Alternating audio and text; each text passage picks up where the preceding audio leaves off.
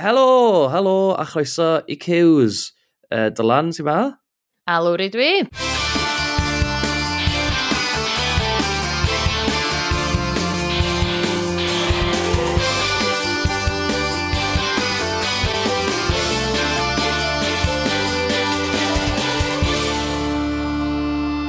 Blwyddyn newydd dda, i chdi dal?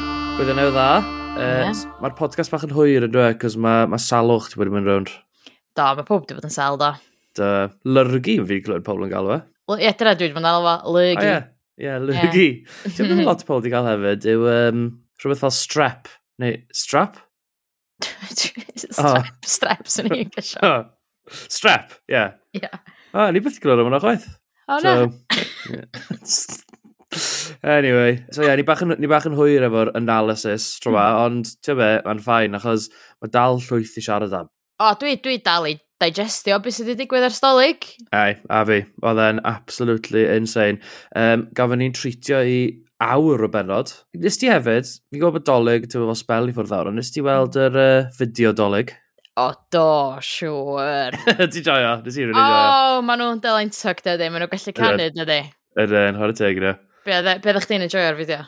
nes i watcho hwnna, wedyn nes i watcho Bethlehem ar groes, um, Rhys Gwynfor y Mared, wedyn mynd i Celt. O, oh, glas. O, sgyn ti hoff fersiwn. Ie, yeah, hoff fersiwn, wel, of, of, well, na, sorry round the road, Rhys Gwynfor y Mared, I can't help it. Fi'n lyfo fe. Na? O, siwr gwrdd. Na, oedd pawb yn dda iawn. Beth yw hoff fersiwn ti? Round a round yn amlwg. God, Na, oedd yn dda, ti'n bod. Oedd, a yn amlwg, Arthur yn canu yr operatic solo na, de. Ie, yeah, chef, brilliant. Chef Piss. Ie, yeah, what a tig. Och, hmm. ie, yeah, lovely. Um, Any mlaen drafod? A we, mae'n lot right, i drafod. Y penawdau.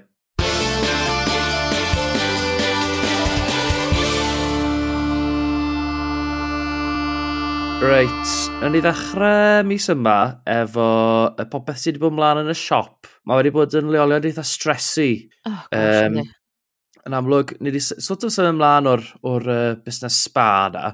Er fi siŵr bydd hwnna'n falle'n dod, dod nôl yn fian uh, pan bydd y genod yn ffynnu mas uh, bod llir wedi prynu fe. Ond mm-hmm. mm. mae Lowry yn amlwg wedi cael y cynnig i ymuno efo Dani. A, a, a, a, a, a wel, um, cydreoli'r salon. Yndi, maen nhw'n bartneri busnes o'n dydy?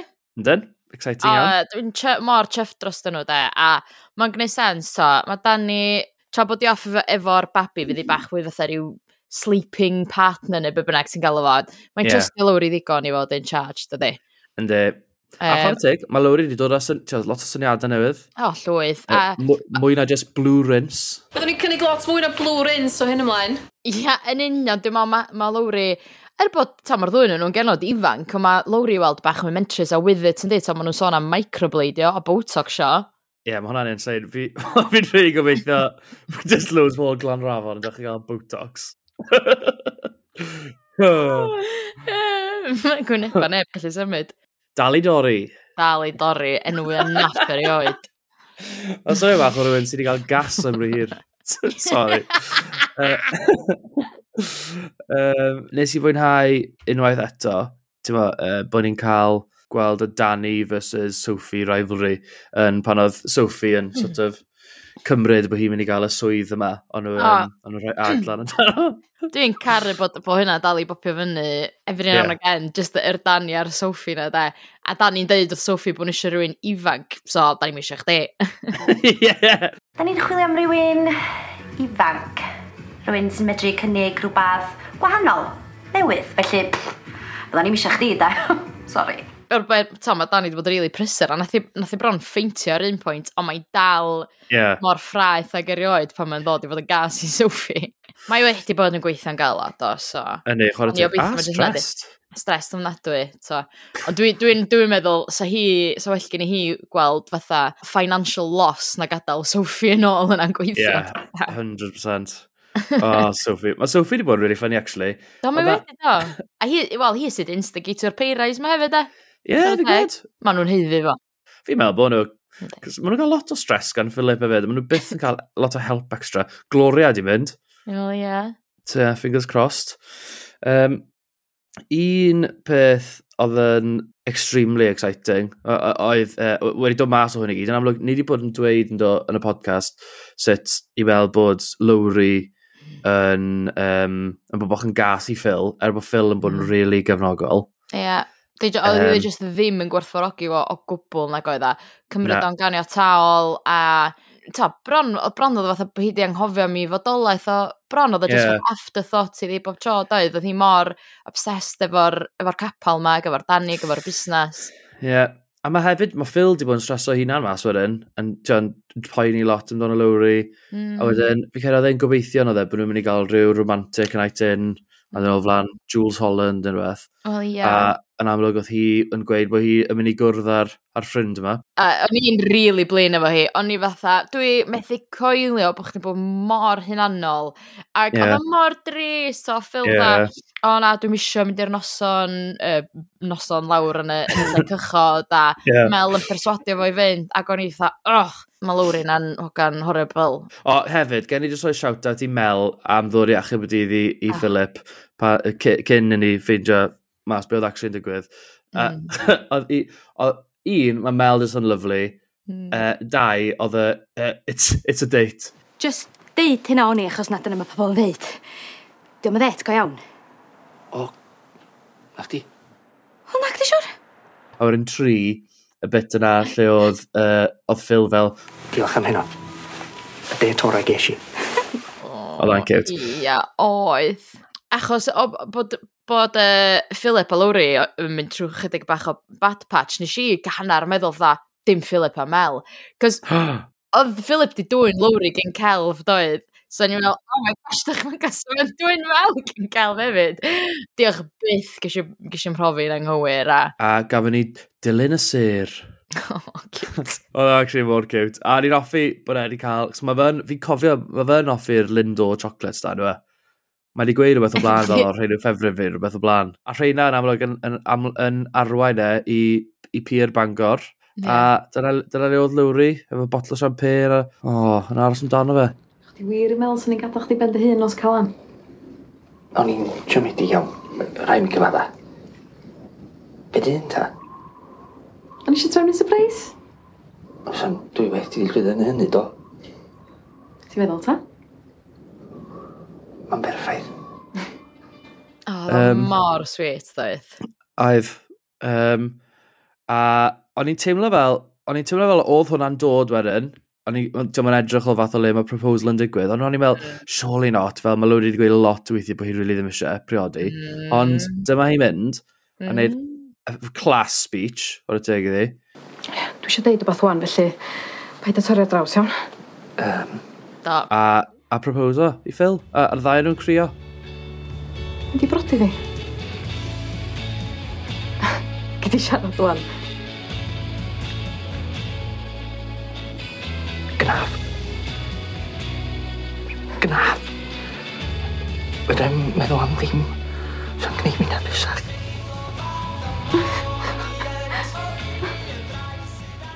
O, o'n i mor, mor, mor treff. Dwi wrth y modd fel Wria Philip. Dwi'n mor yeah. falch. A ti'n gwybod be, ia, mae o'n digwydd weithiau. Ti yn cymryd pobl yn ganiatol, a wedyn weithiau ti'n cymryd step nôl, peidio bod bod mor obsessed efo chdi dy hun, a mynd, ti'n gwybod, mae'r person yma yn gret, a yeah. mor falch bod hi wedi gwneud hynna.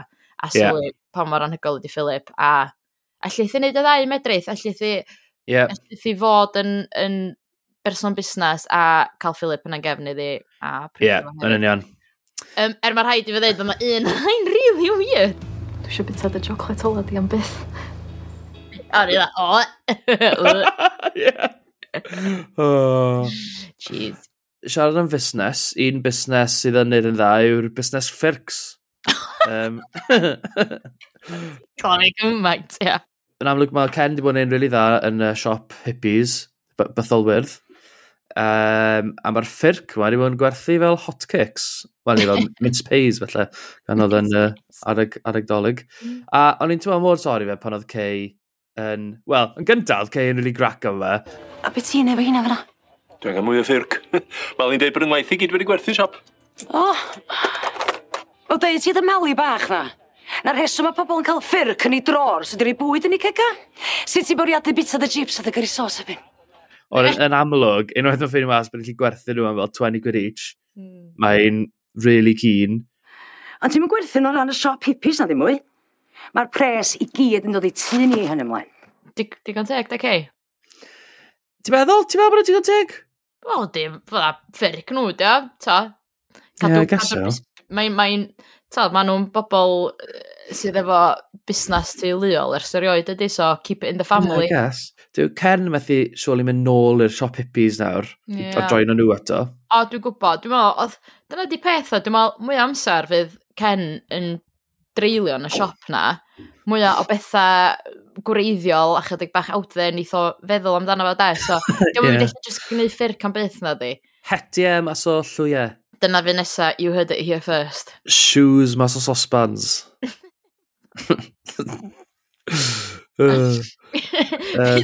Fydd Kay yn cerad fewn i gegin a fydda just dim byd ar ôl yna. a Kelvin fydd y model wedi wedi gwisgo Kelvin lan o popeth. Wna teg i Kelvin yn helpu hefyd. Oh, yeah. Um, yn y ffair eiaf yma, oedd uh, Kelvin yn gweithio ar y stondin, a mae Mr Lloyd yn dod draw. A fel gofyn nhw, beth, be di rhain ta? A gael yn fel... Breichledu ydyn nhw, ond ffyrc oedden nhw, Mr Lloyd. a Mr Lloyd, obviously, fel fascinated. O, ie, wel, ie. O, rhyfedd, he. Sa'ch chi'n licen? Sgyn ni ddim defnydd iddyn nhw, Celfyn bach. Hefyd, efo Ken, ni wedi bod yn gweld yr uh, cyfeillgarwch efo Vince yn sort of datblygu unwaith eto. Um, oh. so efo'r junk mae gyd oedd yn cadw yn yr ysgol, yn uh, cwtch bach Vince. Ond uh, yn amlwg nath ni cael fuse na'n yn chwythu. Uh, ond ond yn gweithio gweithio i uh, Ken ag oedd Drian. Na, na ddo, na. A gofio cael Ellen involved eventually. Ond mm. nath y Ken y farwain at, wel, unwaith, ti oedd Ken yn really fyrbwyll ac yn grac efo Vince, achos bod e'n mynnu bod eisiau mynd ar stwff i'r uh, dump. Ie, yeah, o'n i'n meddwl bod Ken bach out of order, yeah. ond ni dda yeah. stwff chi sydd yn mewn ysgol, dim yn efo fatha tŷ fynd yn yr ysgol, lle mae Vince yn gweithio. Mae Vince di gofyn ddech chi loads o weithiau, neu di plis, yeah. o ma. Ie, yeah, mae dal fatha, uh, you owe me, So, yeah. am, am bod chdi wedi um, cael y ffer efo graig fi, dwi'n mynd i gadw'r holl rybys na yn y gweithle chdi. Ie, yeah, hilarious. Ond nath y ffeinio mas o Elen wedyn yn dod bod, a gweithio mas bod Vince wedi sort of cymryd o rap drosto fe. Do. A Ie, yeah, hwnnw'n kind of, wel, i weld yn fach fwy cyfeillgar roedd eto. Do, ath Ken a Cans rownd at Vince, do. do. Ac oedd yeah. fatha, o, oh, wel, mae hynna'n really nice. A o'n i'n meddwl allai gwn rhyw gan, ond uh, o Ken fatha, dim toma. Ond, ta, diolch yn mynd i fod yn hir rhan o di. Lle gwn o beidio ei gilydd. Na. Um, nath ni sôn bach am Elen fyna, a uh, cyn i ni mynd mlaen i siarad am, am y ffair mawr yma, mm. uh, na ni sôn bach am sefyllfa Elen. O, oh, mae'n mynd o ddrwg, mae'n mynd o ddrwg i waith, dydy. Mae yndi, mae llir yn little weirdo bach. O, oh, mae mor od. Mae mor od. Mae just, Gosh, sut mae pethau, sut mae pethau newid, de? Sut mae pobl yn newid? Ie, yeah, fi gweld bod yn horrible. O, fi dal ddim yn teimlo fel bod Ellen yn sort of fel rhoi troed hi lawr gymaint o dylai neu gymaint mm. o hi wedi gwneud y sy'n fod bysau hi. Cytuno, achos oedd o'n unwaith eto jyst i ymddwyn, oedd o'n hollol beyond, doedd, so, oedd o'n lot o bethau bach di bod yn digwydd. Oedd, doedd o ddechrau, oedd Mali a Llyr di bod yn ffrio am y gweud dolyg yma. Yeah. A nath yn, iawn, oce, okay, nath yn i kind of anghofio am hynna.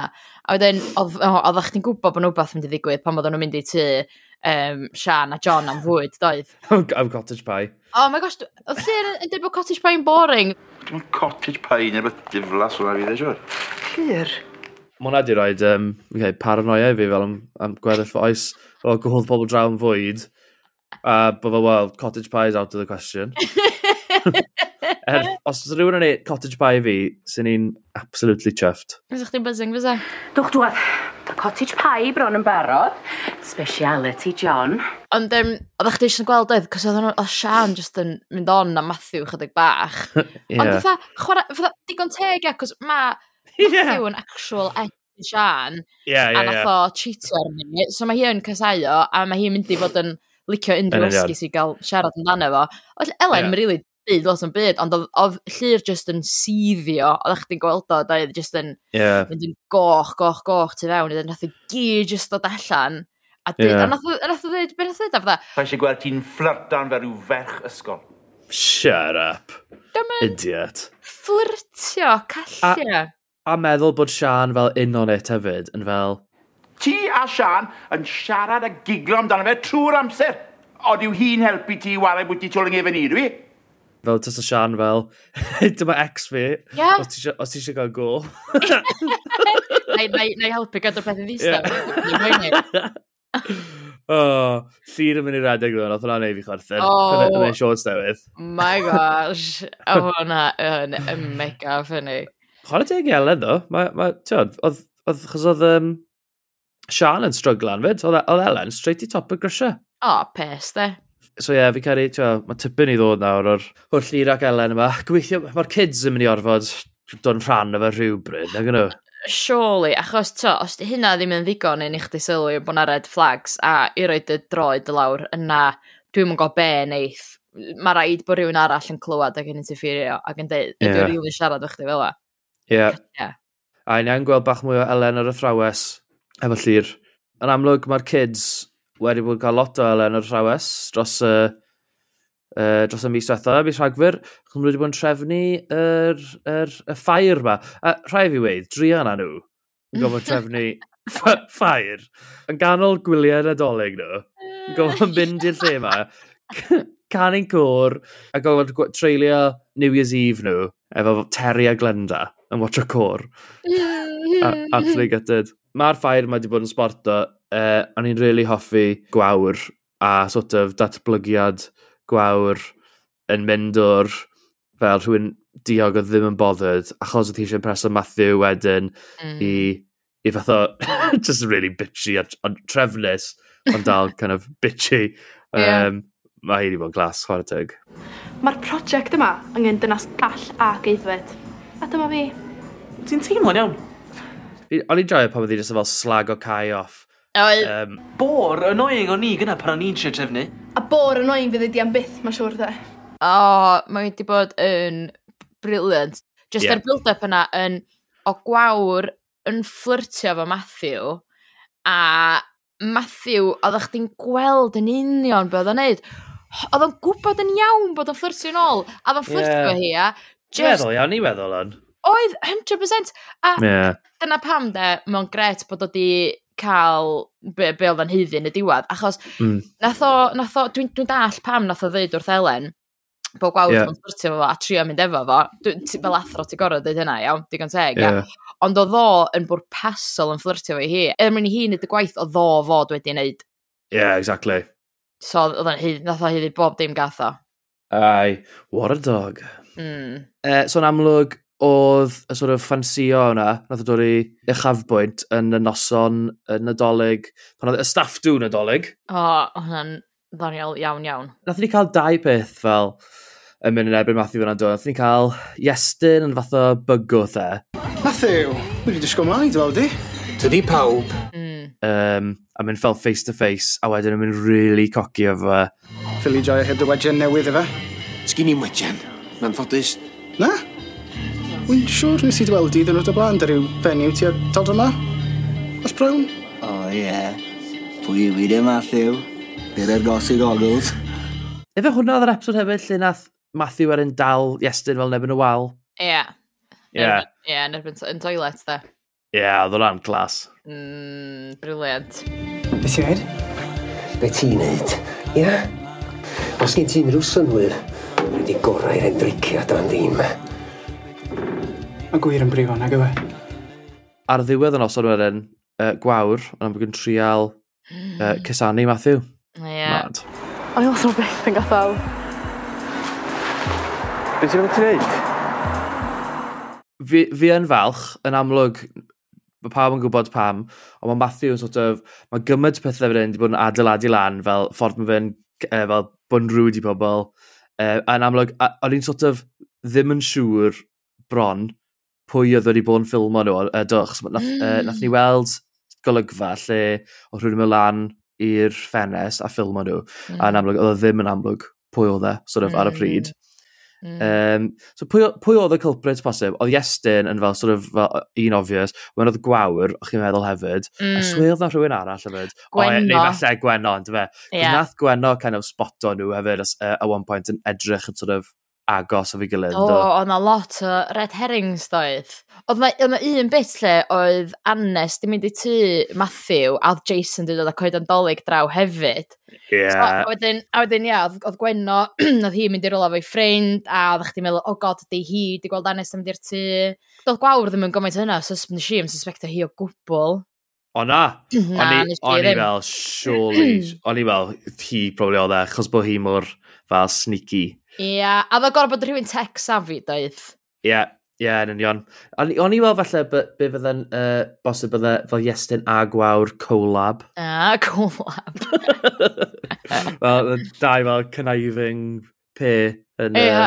Uh, Mae'n rhoi quick shout-out i'r storyline coedolig, uh, achos mae fe wedi bod yn lyflu bach o comic relief rhwng popeth, um, yeah. efo bod y coedolig wedi bod Jason um, Jason Arthur neu fel Delboy o Rodney uh, Glan Rafon wedi bod yn dwy yn y coed yma. A nawr, all of a sudden, mae um, ma pinnau i gyd yn cwmp off. A yeah. mae'n ffynnu, achos mae pawb yn y pen drefoen. Yeah. mae pawb yn fawr un gwyn. Ie, yeah. uh, siwr cael yn odolig, ia, sa neb efo coed yn ei tŷ nhw. yeah. Hefyd e, y sôn am Arthur a light relief, nes i fwynhau yn y noson gyngerdd, bod o'n digwisgodd y dolphin. Ie, yeah, oedd o'n clas. Oedd o'n neud y speech massive yn siarad am fel um, fel dolphins a pethau. Um. Mae'n rhaid gwneud rhywbeth am y peth rwan hyn, cyn iddi fynd yn rhy hwyr. Oedd uh, John just fel, Wel, am deimladwy, wedi cael yn hyffwrdd i'r byw. oh, glas. A David siarad ar Arthur a Mali yeah. oedd di cael fo i wneud hynna. Pam yeah. nath fo, Jason alw hi'n yeah. uh, Greta Thunderberg. Oh, glas. Mae hon yn waith na'r Greta Thunderberg yna. Di'n iawn, mai. Nes i joio Mali fyna ddo, detec fel Detective Mali yn gofyn i pawb, a fel hi nath roi e gyd at ei gilydd, a wedyn fatha, fel, mynd â nhw a dweud, sa'n mynd i mynd i'r yeah. cops oedd yn mynd, ond yeah. dyma beth fi mae chi'n neud. Mae actually, mae, mae, mae, mae mor dda Greta Thunderberg. Yeah. Ti'n mynd i sôn am chwaith, y, y date yn amlwg. So nathon ni gael, nathon ni gael um, mm. y Gwenno a Matthew yn mynd ar y date yna. A Jason ac Anest yn, yn, yn, yn yr un lle. Double dead. Um, tra oedd yn amlwg Jason, uh, Anne, sorry, Anest a Matthew uh, wedi bod yn cael y fyr.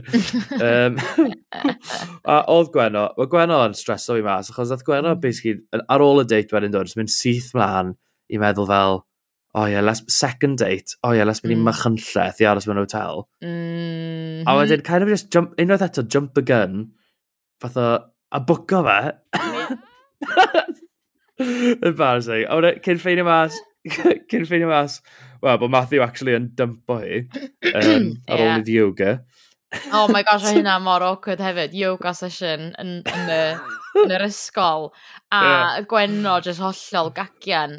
A um, oedden nhw gorau cynnal y sesiwn ac o Matthew jyst trwy'r holl beth, jyst fatha, dwi'n gorffan efo, dwi'n gorffan efo, dwi'n gorffan efo, oh my gosh.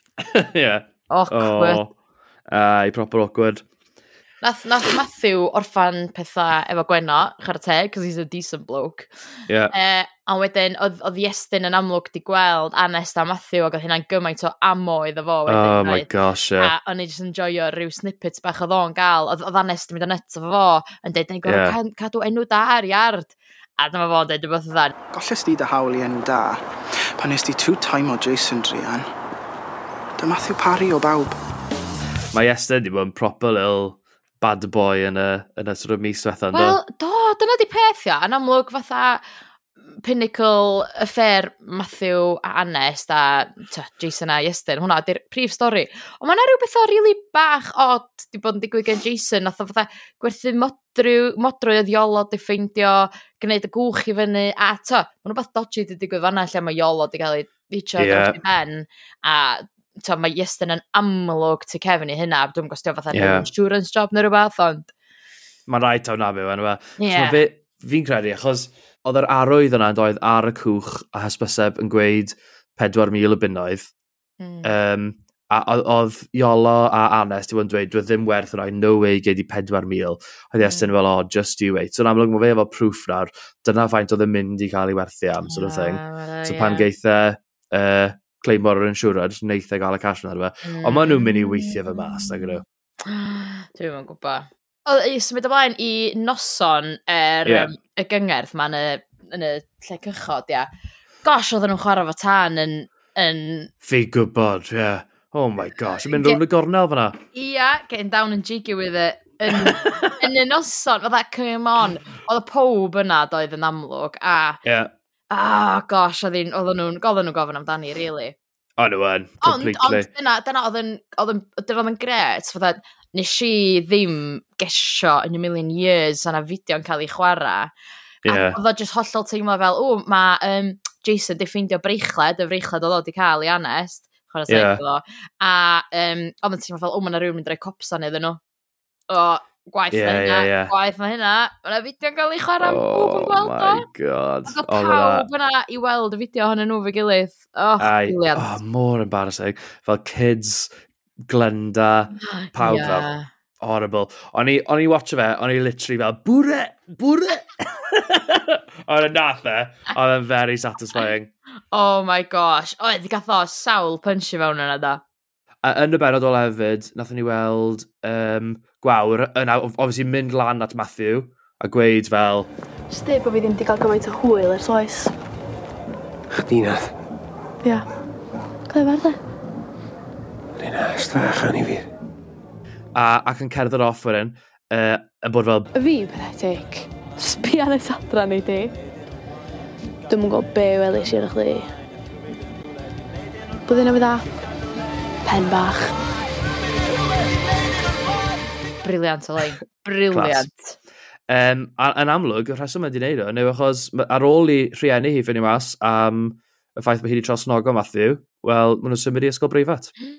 A so, fi'n cymryd, mae dyna yw diwedd gwawr. Dyna ddiwedd gwawr, felly. Oh, gytid, mae hi'n blinking briliant. Mae'n dod ag gymaint o ddrama i'r... Um, Yndi, ffantastig jo uh, jobyn gwych iawn, chwarae teg. Diolch gwawr, uh, gobeithio nhw'n i'w yeah. yn y dyfodol. I reckon, surely nawr ydw rhaid nôl. Mm. Surely rhywbryd. Beth yw'r thing na mae pawb yn gweud am dan o Gareth Bale nawr? Don't, don't cry because he's gone. Don't cry because she's gone. Smile because she happened. Waw. Ie, roedd hwnna. Byddai newydd dda. Pen bach. Fi'n edrych cofio fyd, chatio efo'r freichled. Yeah. Oedd a fel y dechrau'r bore yna, pan e oedd y roi'r freichled i hi, ond oedd fel, cari ti, oedd hi gerdd mas. Ond oedd e fel cerdd y cwmpas fflat yn canu, um, uh, canu sybona fi. o, mae bywyd mor braw. Bydd rhai o pobl sy'n gwrando rhywun wedi gwylio ymlaen yn i ond os, maen nhw'n gwybod sy'n digwydd ar ôl. Mm. Ond, um, be, be wyt ti'n meddwl, be ti'n meddwl sy'n mynd i ddigwydd nawr efo Jason Anes, wyt ti'n meddwl bod Jason yn mynd i cymryd Anes nôl, wyt ti'n meddwl, um, beth sy'n mynd i ddigwydd rhwng Anes a Iestyn, Dwi'n gwybod... Dwi'n mynd i rhwng Gwen o Anest. Dwi'n gwybod. Dwi'n gwybod. Um, oh, gosh. I mean, to, mae Gwen o'n fam i fi, so dwi'n meddwl fy hynna'n rhy ddrwg. Dwi'n meddwl fydd Gwen o'n sy'n embaras hwnna'n byd. Um, mae ma Jason yn blinkin lyfio Anest, a tod, nath o, nath o ddeithi ar un pwynt, fatha... O'n i'n meddwl bod ni'n hapus. dwi yn caru chdi. Ac ar ôl beth i digwyddodd i Bari, a mam, dim ond chdi oedd gynnu fi ar ôl. Ac o'n i'n meddwl bod ni efo efo'n gilydd am byth. Yn prodi o cael plant! Yn prodi o cael plant! Oh my god, oedd e'n dda fyna. Oedd amazing. O'n i gael goosebumps watch. Ti'n chwarae tegol, oedd ddau o'n nhw'n ffantastig. O, um, Ond, o, oh, oedd e'n scary. Nes i mynd yn ôl, nes i ail wylio hwnna cwpl o weithiau. Ar, ar punches ar Matthew hefyd. Och, oedd dda. Yeah. Oh so, my gosh. Got, mae o dros i ben o'i glistia, a mae o, mae o bach yn sopi, so ni'n syni sef o maddau iddi. Ti'n meddwl? Um, o, so ni'n gwybod, so ni'n syni, ond wedyn, Dwi'n gwybod, dwi'n gwybod pwy mae hi isio, di hi isio Jason, di hi isio Matthew. Ie. Yeah. Gwybod, yeah. yeah, actually, falle wneud i aros efo Matthew. Dwi'n gwybod, dwi'n gwybod. Cos, oedd hi fel, oedd e'n gofyn i hi, oedd e fel, ti'n ei garu fe? O na, yeah. sorry, mae'n ffyrdd fo'n hwntw, sa'n gwybod sy'n ac yn hwntw. sorry, Jace. Um, oedd hi fel methu ateb, so, you never know. O, oh, nag oedd diwedd y benod hefyd. Um, yn amazing nath nhw chwarae can Dyfrig topper. Mm. First of all, a wedyn dros hwnna, ti'n sort of gweld, oedd e'n proper ti'n fel diwedd cyfres, deg, gweld yeah. pawb, oedd fel sut oedd e gyd yn gorffen nos o'n hwnna. Yeah. Uh, Iolo a Matthew oh. fel, ar y soffa, just yn fel waid i gyd, basically. Ie, yeah, y ddau nhw just yn nyrsio i gilydd. A wrth gwrs, ni'n gweld Danny yn mynd yn syth i Jason a yn rhoi hug mawr i fe. Yeah. Um, a Jason really upset. Nawr, ni wedi neud speculation o blaen, bod ni'n meddwl falle bydd rhywbeth yn digwydd rhwng nhw. Mm, a nath nhw fynd i siop am stwff babi fe gilydd hefyd, o? Do, nath nhw. Mm, um, fi'n meddwl nhw o leia cael fel un awkward moment lle bod y bron yn cystal. Cytuno, cytuno. Yeah. At the very least. Ond, ei, yn aros yn y caffi, un i nawr, mae rhywun sydd wedi bod yng nghanol yr holl Hali Balw yma. Heledd Roberts, sydd yn chwarae rhan anest.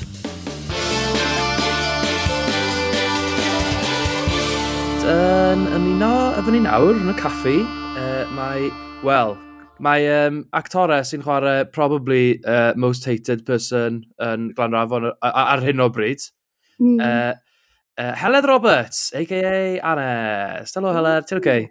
Hello, ydw fi'n iawn, diolch. Chi'n iawn? Yeah, iawn, good. diolch. Croeso, croeso ar y podlediad. Diolch, diolch am gael fi. Mae'n really exciting. Exciting oh. cael chdi ymlaen efo'r straeon sydd wedi bod yn digwydd. Oh my gosh, literally, cymaint o ddrama. Mm, Mae Anes wedi bod yn brysur. Ydy. Beth oedd ymateb ti fel, ti'n bod, pan ges ti'r sgript cyntaf neu pryd pan nhw'n gyflwyno'r stori, bod Anes a Matthew yn mynd i gael y ffyr? Pan nes i glywed am y tro cyntaf, o'n i bach fel, really? Na, dim Anes ddim y person yma, like chi'n amlwg ddim yn afod y cymeriad o gwbl, bydde hi byth yn neud yn byd fel hyn. um, ond wedyn ni, o'n i, pan nes i ddarllen trwy fe gyd, a wedyn o ti'n dechrau actio fe, ti bach fel, ww, ma' hwn yn eitha neis, ma' hwn yn iawn. Ond fel fi'n credu beth sy'n bysaw, fel, fel ar y dechrau pan oedd Matthew a Anas wedi dechrau agosau. Dyna pryd o ti'n gweld bod Jason yn kind of anghofio amdani. A fel, Jason ddim rili'n really rhoi lot o hmm. sylw iddi. Oedd Jason ddim o'i neud yn byd gyda hi. Oedd hi ddim rili really ynglwm gyda marwolaeth Iris. O'n i'n teimlo bod hi bod nhw jyst i anghofio amdani hi, so oedd hi jyst ddim na. Wedyn oedd e just fel, nawr mae'r affair, pan oedd hwnna gyd yn digwydd, o Jason yn mynd yn really neis. Nice. O'n i fel, pam i chi'n sgwennu fe fel hyn? Ond, ie, um, yeah, mae wedi bod yn profiad. Clas. Uh, oedd yn teimlo fel, o'n i'n meddwl, fel, fel ti'n gweud, o'n nhw y gweld yn sort of agosau, nag nhw. Oedd rhywbeth yn teimlo, teimlo'n eitha genuine am fel, ti'n yn teimlo at i gilydd, o'n i'n meddwl. O fi, fi'n credu bod e, mm. a... Maen nhw wedi dod at ei gilydd mewn ffordd eitha naturiol. Dwi e ddim rili'n really teimlo'n fforst. A hmm. fel, mm oedd un pwynt lle o'n i wedi hmm. cyrraedd, lle o'n i fel, o, oh, ti'n meddwl, falle bod Matthew actually yn licio anest, a bod e ddim yn neud hwn achos bod e'n rhyw Casanova, a bod e'n, mae'n bach o player, ond falle bod e actually yn licio hi, ond wedyn yn amlwg fel, mm. ni'n gwybod yn wahanol nawr. Ond y peth ydy hefyd, da, di, di anest ddim di rili really bod efo neb arall, Blaw Jason, ers bod yn glanrafon chwaith, na ddo? Yeah. Yeah, so mae hi wedi kind of disgyn amdano fo, o ddo, di mopio fo hi'n syth, a wedyn ath hi yeah. efo fo, a wedyn maen nhw di kind of bod efo'i gilydd, so ti'n kind of fatha, wel, mae'n iawn iddi hi gael mentro chydig bach, neu dipio i throed allan o'r berthynas wedyn hefyd, yndi? Ie, yeah, bach o hwyl. Ie, Yeah. ond be, be, be oedd yn od ydy, mae ma di bod on the cards ers misoedd Gwenno a Matthew, doedd? Fydda, mae'n dyl, yeah. a fi di bod yn, yn, yn gesio bod rhywbeth am ddigwydd, a wedyn mae just y twist mwy yna, anes oedd yn actually fynd efo fo. Ie, yeah, fi'n credu taw hwnna fel yr, like, y twist fwyaf odd i'r storyline. Achos o'n i'n fel, hwn yn mor, mor weird. Fel, a wedyn nes i cyrraedd y pwynt lle oedd um, mae lot o fel ffrindiau fi o gytra, maen nhw'n gwylio round a round, a wedyn mae rieni nhw'n gwylio round a round, a un o ffrindiau fi, oedd mae'n gi hi yn ffonio hi, a nath i just gweud, oh my goodness, mae mam Heledd a Heledd yn ffansio'r un boi. Glas. Fi'n meddwl, un o'r pethau oedd yn neud e mor fel shocking oedd, mae ma, ma kind of, ma anest, mae teulu cyfar anest yn sort of, well, i gyd wedi bod yn nghlwm efo rhyw fath o drama. Mae Iester yn absolute nightmare. uh, a mae'r rhieni, obviously, yr holl drama efo'r ffeindio mas am Glenn a pethau fel na. Yeah. Um, so fi'n cael ei just, er, fel Anes, yr unig un call yn y teulu, seemingly, Mm. Um, bod, a fel, fi yn teimlo bod fel, mae probably lot o bobl wedi siomi, achos Anest oedd fel, hi oedd halen y ddeiar, hi oedd yr un neis, hi oedd yr un bobli, hi oedd yr un oedd yn rhoi gwein ar gwynebau pobl yn barod i helpu. Nawr fi just fel, fi'n sori bod chi'n cysau fi. fi fel, please, cerwch nôl i gysau Estyn. Ie. yeah. Fi'n meddwl na ni dal cario ymlaen i cysau Iestyn rhywsut. Ie. Mae'n just mor dan dyn, nag yw e? Ynddi, hmm. horrible. Ond uh, yn, yn gymeriad gwych, wyt, wyt, wyt ti'n offi bod yn rhan o'r, or teulu yna ar y sgrin? O, oh, fi'n fi lyfo fe, fel mae'n just mor neis, fel fi a Josh, o'n i'n y brifysgol gyda'n gilydd, felly mae perthynas rili really agos gyda ni beth bynnag. Um, a fi yn credu, mae hwnna siwr o fod i helpu'r ffordd i ni'n fel dod yn agos fel brawd a chwar hefyd achos bod ni yn nabod yn gilydd fel, o, oh, mae Josh di bod yn bach o, dyw e ddim fel Iestyn yn real life, mae just fel hero, fel Josh bydde'r un, bydde'r oh. ffonio, just really angen help, bydde fi'n gwybod bydde Josh na. Mm. Um, so mae hwnna di bod yn really nice, fel mae perthynas ni gyda Ellen yn really, really nice hefyd, mae hwnna'n really, perthynas ni naturiol yn eitha famol, fel fi yn hmm. teimlo bod ni'n cael lot o gymorth ganddi hi.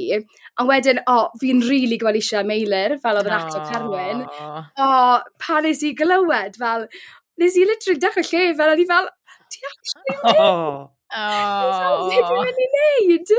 Um, ond ni dal mewn cysylltiad, ni'n siarad fel yn wythnosol beth bynnag, a ia, yeah, mae jyst i bod yn really neis, a mae'n neis bod yn deulu sydd yn neud stwff tu allan hefyd, fel fi'n credu bod ni wedi cymryd hwnna um, for granted, really, yr ffaith bod ni'n gallu mynd mas fel a kayaco, neu mynd ar y jet skis, neu just bod y bwys y dŵr, fel... Sa chdi'n dweud hmm. bod chdi'n berson reit outdoors i be bynnag? Di anes yn ei pethau sa chdi'n gwneud be bynnag, neu di chydig bach wahanol i chdi? Mae anes definitely wedi tynnu mas yr ochr yna ynddo fi. Nawr fi fel, o, oh, fi'n mynd i wneud powerboat level 2 course fi. Fel fi'n really keen wow. i fel, ti allan, yeah. Oh my gosh. So fi'n mynd i wneud hwnna beth bynnag, ond ie, yeah, fi'n lyfo bod tu fas, fi'n lyfo cerdded a fi'n lyfo mynydda a pethau fel na, ond mm. anes nath definitely tynnu'r ochr dŵr mas ohonaf. Mm. Cool. Faint o amser chi gyd i bod ar y rhaglen yeah. erbyn er, er, er hyn? Ie, yeah, fi'n credu wnaethon ni dechrau ebryll 2018. Ah, ie. Gosh, ie. Yeah. Ti'n gofio be oedd fath o'r storylines cynta pan oedd chi, pan oedd chi gyrraedd? ie, yeah, wnaethon ni gyrraedd a oedd e kind of as, fel bod ni wedi just cyrraedd fel out of the blue, ddim mm. really gyda fel reswm i fod lan fan hyn, ond am y ffaith yn amlwg bod mam yn gog a bod hi'n perthyn i lowri. Mm. Ond wedyn y stori oedd bod Iestyn really di bod mewn i trwbl yn yr ysgol a bod rhaid i ni symud. Mm. Oh, yeah. Fi jyst yn cofio fel ni nath agor y gyfres, achos basically o ti jyst yn gweld ni yn y tŷ, a yr olygfa gyda'r fel y curtains a wedyn o'n i jyst yn ympaco yn y tŷ. So oedd hwnna'n really Ie, yeah, oedd hwnna'n cyd i oedd hwnna'n sioc i bawb, fel, o ie, fi'n mynd i fod around round a round. Wedyn ti reit ar dechrau around a round. Ie, glas. Uh, oedd y romance efo Jason wedi dechrau'n eitha bian efo noedd. Wel, oedd, oedd, oedd Jason sort of chaso anest am bach, ni'n ffansio o bell. A wedyn, okay, nath ni cael yn cyflwyno i um, fel storyline bod, bod anest efo yn, yn epileptic, fi'n credu. Ie, uh, yeah, fi'n gwybod. Oedd hwnna'n, mae hwnna di bod yn brofiad a hanner fel, just rhywbeth sydd mor bwysig i unigolion penodol a rhywbeth sydd yn cael cymaint o ddylanwad ac effaith ar y ffordd maen nhw'n byw i bywyd nhw. A fi'n credu oedd pan nes i glywed am y storyline yna lle o'n i'n mynd, um, o'n i ar bwys y bont, fi'n cofio ffilm o fi a Jason oedd na, a wedyn cael y ffit yna, oedd fel just bod ti eisiau gwneud cyfiawnder i'r storyline yna, a fel fi'n cofio ar y pryd, oedd Rian oedd yn cyfarwyddo gyda ni, a ddi jyst yn siarad fi trwyddo fe, a wedyn o'n i'n siarad am yr elusennau gwahanol oedd yn gweithio gyda um, pobl sydd gyda epilepsi, a wedyn just oedd e'n, oedd rhywbeth really, really weird amdano fe, ond rhywbeth really fel, waw, chi wedi trysto fi gyda rhywbeth mor sensitif, mm. ond mor bwerus ar yr un pryd. A fi'n cofio ar ôl wneud y storyline yna, gafon ni sawl tweet jyst yn gweud fel, diolch am gynnwys hwn. Ah, oh, a, nice. Ie, yeah, oedd rhywbeth really, really neis amdano. Mynd trwyddo hwnna gyda Iwan sy'n actor Jason hefyd, achos mae perthynas ni'n eitha fel special a eitha neis byth bynnag. Mm. A wedyn, fi'n credu oedd e'n neis gallu neud e gyda rhywun o ti'n trysto. Ie. Yeah. yeah. Nice. Wow, cool. Ie. Yeah oedd e wastad, o ti'n gwybod on the cards bod uh, Jason a Nes yn mynd i fod mewn perthynas? Na, a fi'n credu, ond sa'n gwybod os fi'n iawn, oce? Okay? So fi'n credu be wnaethon nhw, oedd wnaethon nhw testo ni ar y sgrin. Fel wrth bod nhw'n sgwennu, oedd nhw wedi testo ni. A fi'n eitha sicr bod nhw wedi testo fi a Tudur sy'n acto Iolo. O, do fe? No, Fi'n meddwl bod nhw wedi penderfynu, o na, mae'n gweithio well gyda Jason right. a mae'n gweithio gyda oh, Iolo. A fi'n creu, oh, sa'n gwybod, fel dyna beth fi'n meddwl sydd wedi gweithio, a dyna beth sydd wedi digwydd. Fi'n meddwl o'n i'n meddwl o ddiolo, neu fel o ddiolo yn fel ffansio anas ar y dechrau, mae ma, ma, yeah. iolo yn fel ffansio, literally pob menyw newydd sy'n sy dod ar yma, Ie, yeah, a fi'n cofio fel, oedd fel, pan o'n nhw'n sgwennu fi a Iolo, fel, fi'n cofio un golygfa lle o'n ni fel yn bwyta, fel brechdan gyda'n gilydd, a ni'n cael chats bach neis, mm. a hmm. wedyn, oedd e kind of as if like, na, fel, mae e'n ni'n rhi debyg fel unigolion mm. Hmm. fod i'n gilydd. Fi'n fi offi perthynas iolo efo teulu riad. Mae'n teimlo fel bod e'n fel rhan o'r teulu, really, nwe? Mm. Ydy, mae'n really, really neis. Nice. Yeah. bach fel cael rhywun sy'n na, rhywun sy'n jyst yn gweud ie, i wneud unrhyw beth, rhywun sy'n hapus i helpu, a mae rhywbeth dda neis amdano. Mae o fatha y, y mab mae Iestyn i fod, dydy. Ie, ie, mama.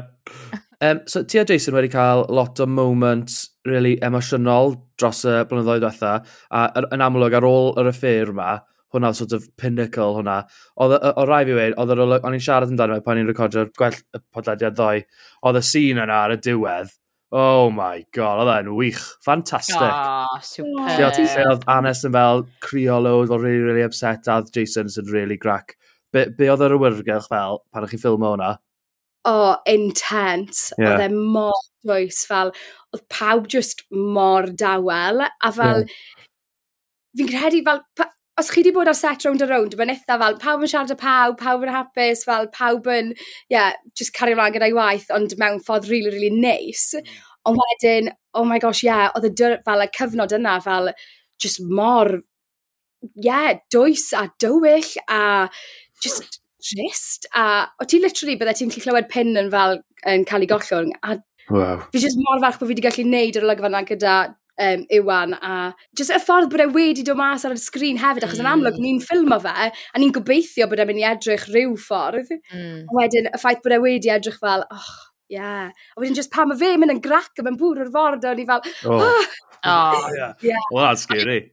Ron efo mwy o becho dros Jason yn oh. ffidio allan hynna na pan fydd Iris farw. Achos oedd e mm. just fatha, oedd annes fatha mor, fel ti'n deud, de, oedd hi mor berffaith halan y ddeiar, a pob yn yeah. caru hi, a wedyn, sa chdi just byth yn meddwl bod hi wedi gwneud rhywbeth fel a, a Jason fatha, sgyn o fo neb rili really chwaith wan agos just anest. Mm -hmm. So hynna i gyd yn dod allan, ac oedd chdi just yn briliant yn kind of cymryd mm. hynna hefyd, a just mewn ffordd really genuine hefyd. Yeah yeah, mae yna un olygfa'n dod lan hefyd lle ni'n... Sa'n gallu gwybod beth sy'n digwydd, ond mae yna un olygfa'n dod lan lle ni'n cael fel the official fel chat. Oh, yeah. Okay. Oh my gosh, oedd hwnna'n intense. Oh hyd yn oed yn darllen hwnna.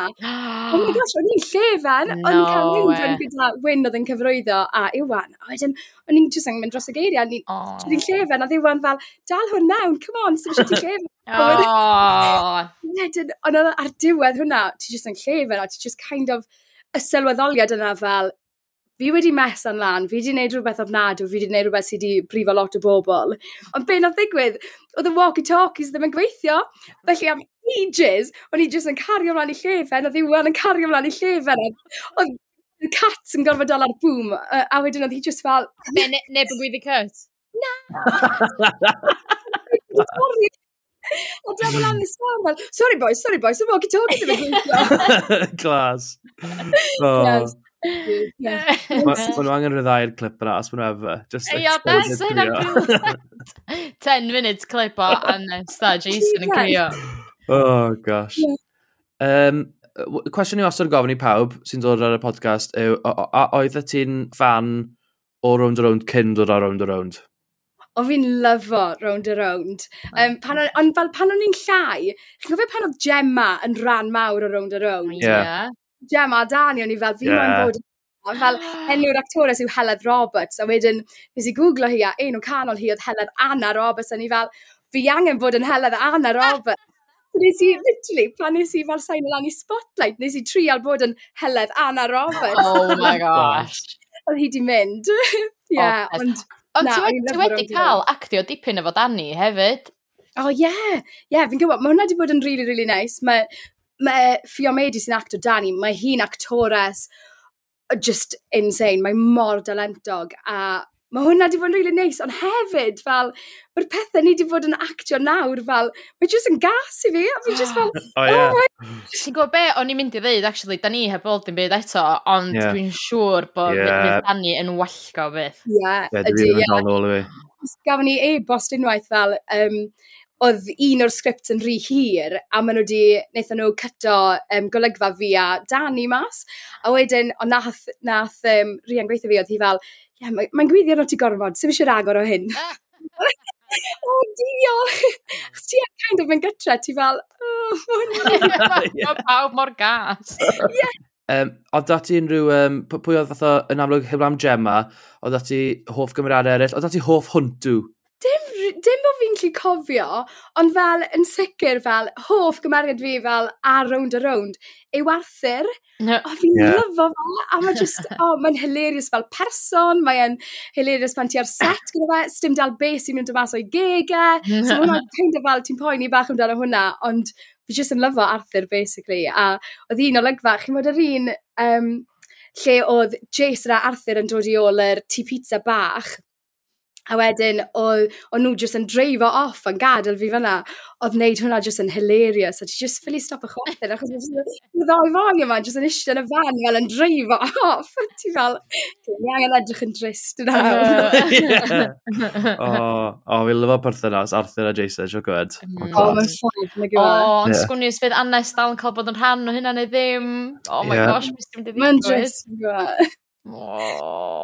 Ie wyt ti'n gallu rhoi uh, rhyw fath o um, clyw i ni, be ni'n gallu disgwyl dros y sort of cwpl o fusoedd nesaf, heb roi gormod off, obviously.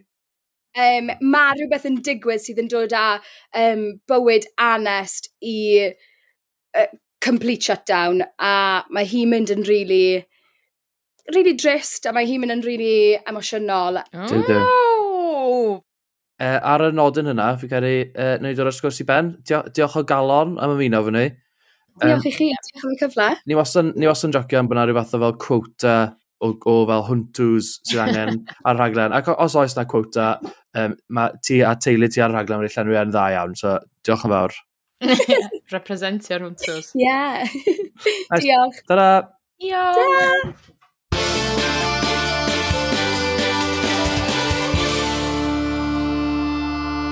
really difyr cael anest yn y caffi, cael bach o insight, a cael gweld yeah. o'r yr actores heledd, dim just anest hefyd, ond allai'n gwytsiad di fel beth sy'n digwydd nesaf os ti'n mynd fynd am Jason, yeah. neu Matthew, neu Bilen am rhywun hollol wahanol. I know. Oh, gosh. Ti'n be, fi'n rili offi clywed hefyd pan, pan bod, uh, pan ma, cyn, oedd, cyn ma actorion yn dod ar rownd ar rownd, o'n nhw'n fans. Yeah. Yeah. Gemma wannabe. Yeah, glas. um, o hwnna, uh, yn i mlaen i Extra yn canu o y mis, y mis. Dim lot o extras uh, mis yma, really. As in, oedd actually lot o extras. Oedd. Ond oedd dim lot o extras penodol. Ia, yeah, cytuno, cytuno. Um, nes i really fwynhau, ni wedi sôn amdano hi yn gyflym y menyw oedd yn y dosbarth yoga, just achos faint o sort of rhyfogwnes bydd yn amlwg wedi ychwanegu i, um, i Matthew a Gwenno. So, yeah. oedd da fi parch ato hi. Hiya! Sori bo fi'n hwyr. Dim broblem. Da chi'n di cychwyn addo? Ie. Yeah. Um, a yn yr ysgol, o'n i'n enjoyo yr extras chweched. Tyd, gynnwch chi just y rawdi yeah. lad yn dod i fewn. Dim yna. Yeah. Dim yna sortio fo allan. Gwawr yn chicken up tref. Yn boys, boys being boys. Ie. yeah. Fel y cwpl boed oedd ar y diwrnod hefyd. Uh, mm. Fel oedd un o fel efo Owen, oedd un efo uh, Robbie. O'n i'n joio nhw. Just methu am bod yn neud dim byd, really, o'n nhw. nes i rili fwynhau yn y siop prams, oedd just loads o menwod pregnant. Mm-hmm. Siarad ydyn nhw. Fi moyn gwybod os nath, os nath rwnd o rwnd wneud galwad am extras beichiog. neu just galwad am, am fynywod, a wedyn troi pregnant suit arno nhw. Is it? Mae'n gwestiwn rili da. pwy sydd ti? Um, Gwna fi un arall. Ys di'r boi ddoth i brynu'r cwch Yeah. Uh, oedd o fatha, o, oh, beth di hanes hon? Swn i'n cael gwybod yeah. mwy amdani. O, oh, a nes joio fo, de. Ac okay, helpu chi? Beth di hanes hon? Swn i'n cael gwybod mwy amdani. Ond, fi'n meddwl, uh, mae'n ma rhaid mis yma rhoi dy wobr extras slash cameos y mis. I, a fi, fi credu bod hwn yn cyfri fel extras a cameos. Chos, e, e, er, er, er bod fi'n gwybod byw, byw enw'r cwr yna yn bwyd go iawn, mae'n rhaid bod nhw'n actual cwr. O, oh, e. mae rhaid bod nhw'n swynol ofnadwy. Uh, dyma Parti Canu Ysgol Uwchradd gan Rafon.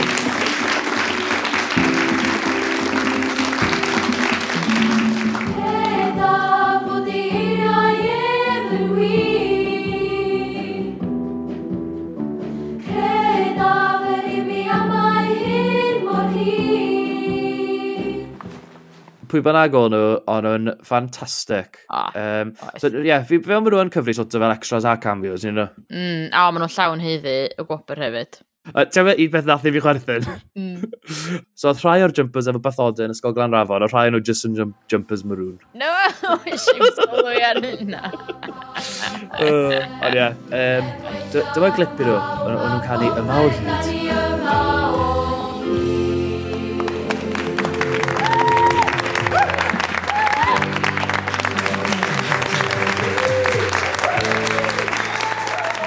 Extra neu canu o y mis. Parti canu Ysgol Uwchradd gan Rafon. Y mis. Oce, okay, ni wedi cyrraedd diwedd yr rhaglen, felly Lowry, yn gyflym. Lowry a Phil, ydy'r llwybr yn glir neu'n llawn potholes? um, o gobeithio bod yn glir, sy'n wrth y modd i gweld rhyw brodas yn Glan Rafon. Ie, yeah. yeah, heb unrhyw beth yn mynd yn wrong. Ie. Yeah ydy Ken am fynd nôl i'r siop hippies neu am fentro i fyd gemwaith cyllell a ffyrc full time? Sa ffasiwn beth, oes? Ti'n gwneud cyllell a ffyrc yn full time job. Os ti mor dylentog a Ken, fi'n cael ei bod ti'n lli creu answydd full time. Waw, oce, okay, digon teg. Ond dwi'n gobeithio yn ôl at yr hippies. Llyr ac Elen. Ydy Elen yn mynd i roi stop i ymddygiad llyr neu di am gario ymlaen? O, oh, swn i licio bod i yn, ond dim yn mynd i yna, di. Dim yn mynd i. Na, sy'n cael ei. os mae rhywun yn mynd i, fi'n meddwl Mali fi dda. E pwy fydd anest yn dewis, o, hyn, os oes yna dewis i gael, efo Jason neu Math? O, dwi'n meddwl fi hi eisiau mynd ôl efo mynd efo Matthew, dwi'n meddwl. Jason y Danny, wyt ti'n meddwl bod yna rhywbeth yna o gwbl? Mae yna wbeth mynd i ddigwydd, dwi'n meddwl, rhywbryd. Dwi'n meddwl, ac yn gobeithio, fingers crossed. Yeah. Uh, lovely, dyna ni am mis yma, uh, fyddwn ni'n ôl efo chi, mae'n rhywbeth efnos, rwy'n trafod uh, penodau cyfres newydd. Ta-ra!